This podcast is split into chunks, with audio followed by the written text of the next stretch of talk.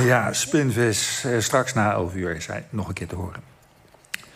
Vorige week werd in OVT de shortlist voor de Libris Geschiedenisprijs bekendgemaakt. En over vier weken de winnaar in een speciale uitzending vanuit de beurs van Berlage. In de tussentijd bespreken onze recensenten al die boeken hier in de uitzending. En vandaag de eerste twee, en uh, daarom zijn ze er ook allebei. Wim Berkelaar en Bart Funnekotter. Primeur dat jullie hier, uh, goedemorgen, dat jullie hier samen zitten. Ja, uh, leuk. Heel ver uit elkaar. Ja, heel aangenaam, ja, maar ja, toch ja, uit elkaar. Op super corona-veilige afstand van elkaar.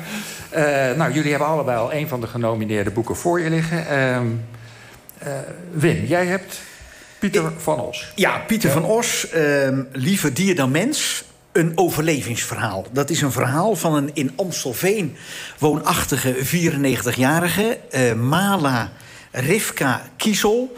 Dat is een uh, vrouw die stamt uit een uh, Joods chassidisch milieu in Polen. Maar let op, dit verhaal is eigenlijk een inkleuring van een groot verhaal... wat een jaar of tien geleden geschreven is door de bekende Amerikaanse historicus Timothy Snyder. Die schreef het boek Bloedlanden. Uh, menig luisteraar zal dat kennen. Dat is een boek uh, Europa tussen Hitler en Stalin. En dit is een verhaal wat eigenlijk een inkleuring geeft... van het grote verhaal wat Timothy Snyder schrijft. Namelijk een Joodse vrouw die uh, op een bizarre wijze, kan niet anders zeggen, de oorlog overleeft. Dus die overleeft het door uiteindelijk, uh, ik zal het kort uh, vertellen, in een nazi-gezin uh, terechtkomt. daar met veel liefde. Ze ziet er namelijk helemaal niet Joods uit. Ze ziet eruit mm. als een, als een blonde ariër, zo gezegd. En ze overleeft dat, trouwt uiteindelijk met een, een piloot van El Al, komt daardoor in Amstelveen terecht. Pieter van Ors leert haar via via kennen.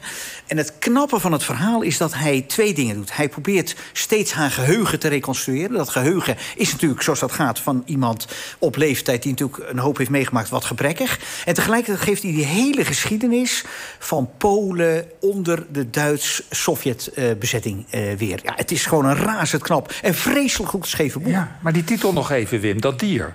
Ja, Liever dier dan mens, dat is een, uh, dat is een gedicht...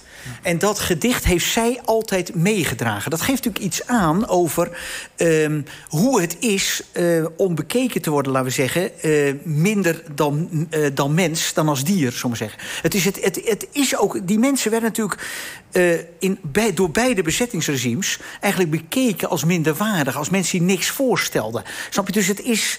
Um, ja, het, een prachtige titel. Want als je, dit als je dit boek leest, dan denk je ook... jongens, hoe moet, hoe moet dit zijn geweest om hier als mensen te zijn Goed, terechte nominatie dus. Ja, zeer terecht. Oké, goed. Nou ja, we gaan er ook vanuit dat alle vijftien nominaties terecht zijn. Uh, uh, Bart, jij, het boek wat jij nu gaat bespreken... daar wilde je een, een kort muziekfragmentje vooraf, aan vooraf laten gaan. Daar gaan we nu even naar luisteren. Eens ging de zee hier tekeer, maar die tijd niet weer. Zuiderzee heet nou IJsselmeer. Een tractor gaat nou Ja, en de mensen in de zaal beginnen al zachtjes mee te deinen en te zingen. Ja, daar denk ik het voor. Uh, dus daarom is het ook de hoogste tijd om het nu weg te draaien. Bart, uh, vertel, Waar, waarom dit? Uh, omdat het de titel is van het boek. Eens ging de zee hier tekeer, van Eva Vriend. Het verhaal van de Zuiderzee en haar kustbewoners. Dit is een boek waarin aan de hand van de geschiedenis van vier families... uit de familie Van den Berg uit Urk... de familie Kwakman uit Volendam... Hopman uit Spakenburg en Van Ekelen uit Wieringen... het verhaal van de droog drooglegging van de Zuiderzee wordt verteld. En de effect die dat heeft op de mensen die daar rondom die Zuiderzee woonden. En opeens uh, van hun uh, broodwinning beroofd uh, waren. Uh, want de overheid die wilde vooruit. Die wilde uh, meer landbouwgrond, zodat er meer voedsel uh, verbouwd kon worden... en meer geld kon worden verdiend. Maar de mensen die daar het slachtoffer van werden... die vissers en iedereen die daar aan verwant nijverheid zijn brood verdiende... die werd eigenlijk min of meer aan zijn lot overgelaten. En dit boek gaat erover hoe die mensen in deze tijd... Van enorme transformatie voor hun... proberen hun bestaan gaande te houden. En een, een heel mooi verhaal hieruit is het, de anekdote van de over de, de, Urkse, de oma van de Urkse hoofdpersoon. Uh, zij heet Gietje Kornstra.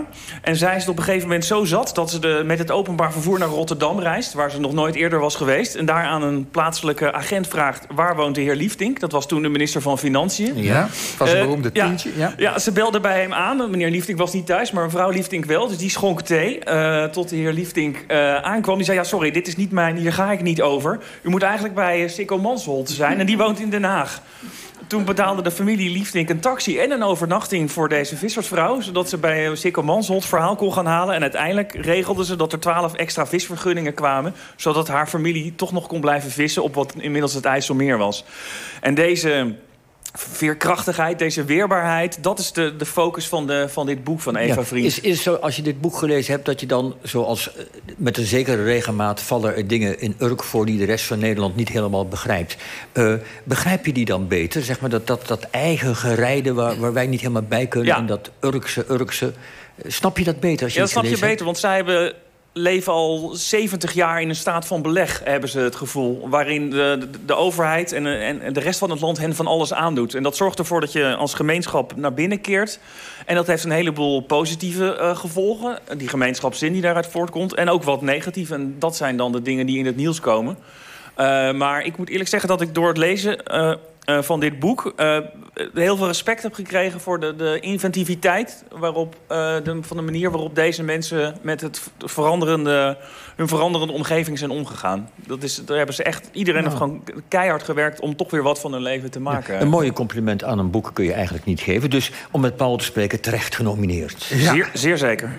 Goed, en het boek heet dus eh, Eens ging de zee hier tekeer. Het verhaal van de Zuiderzee en haar kustbewoners. Eh, En ik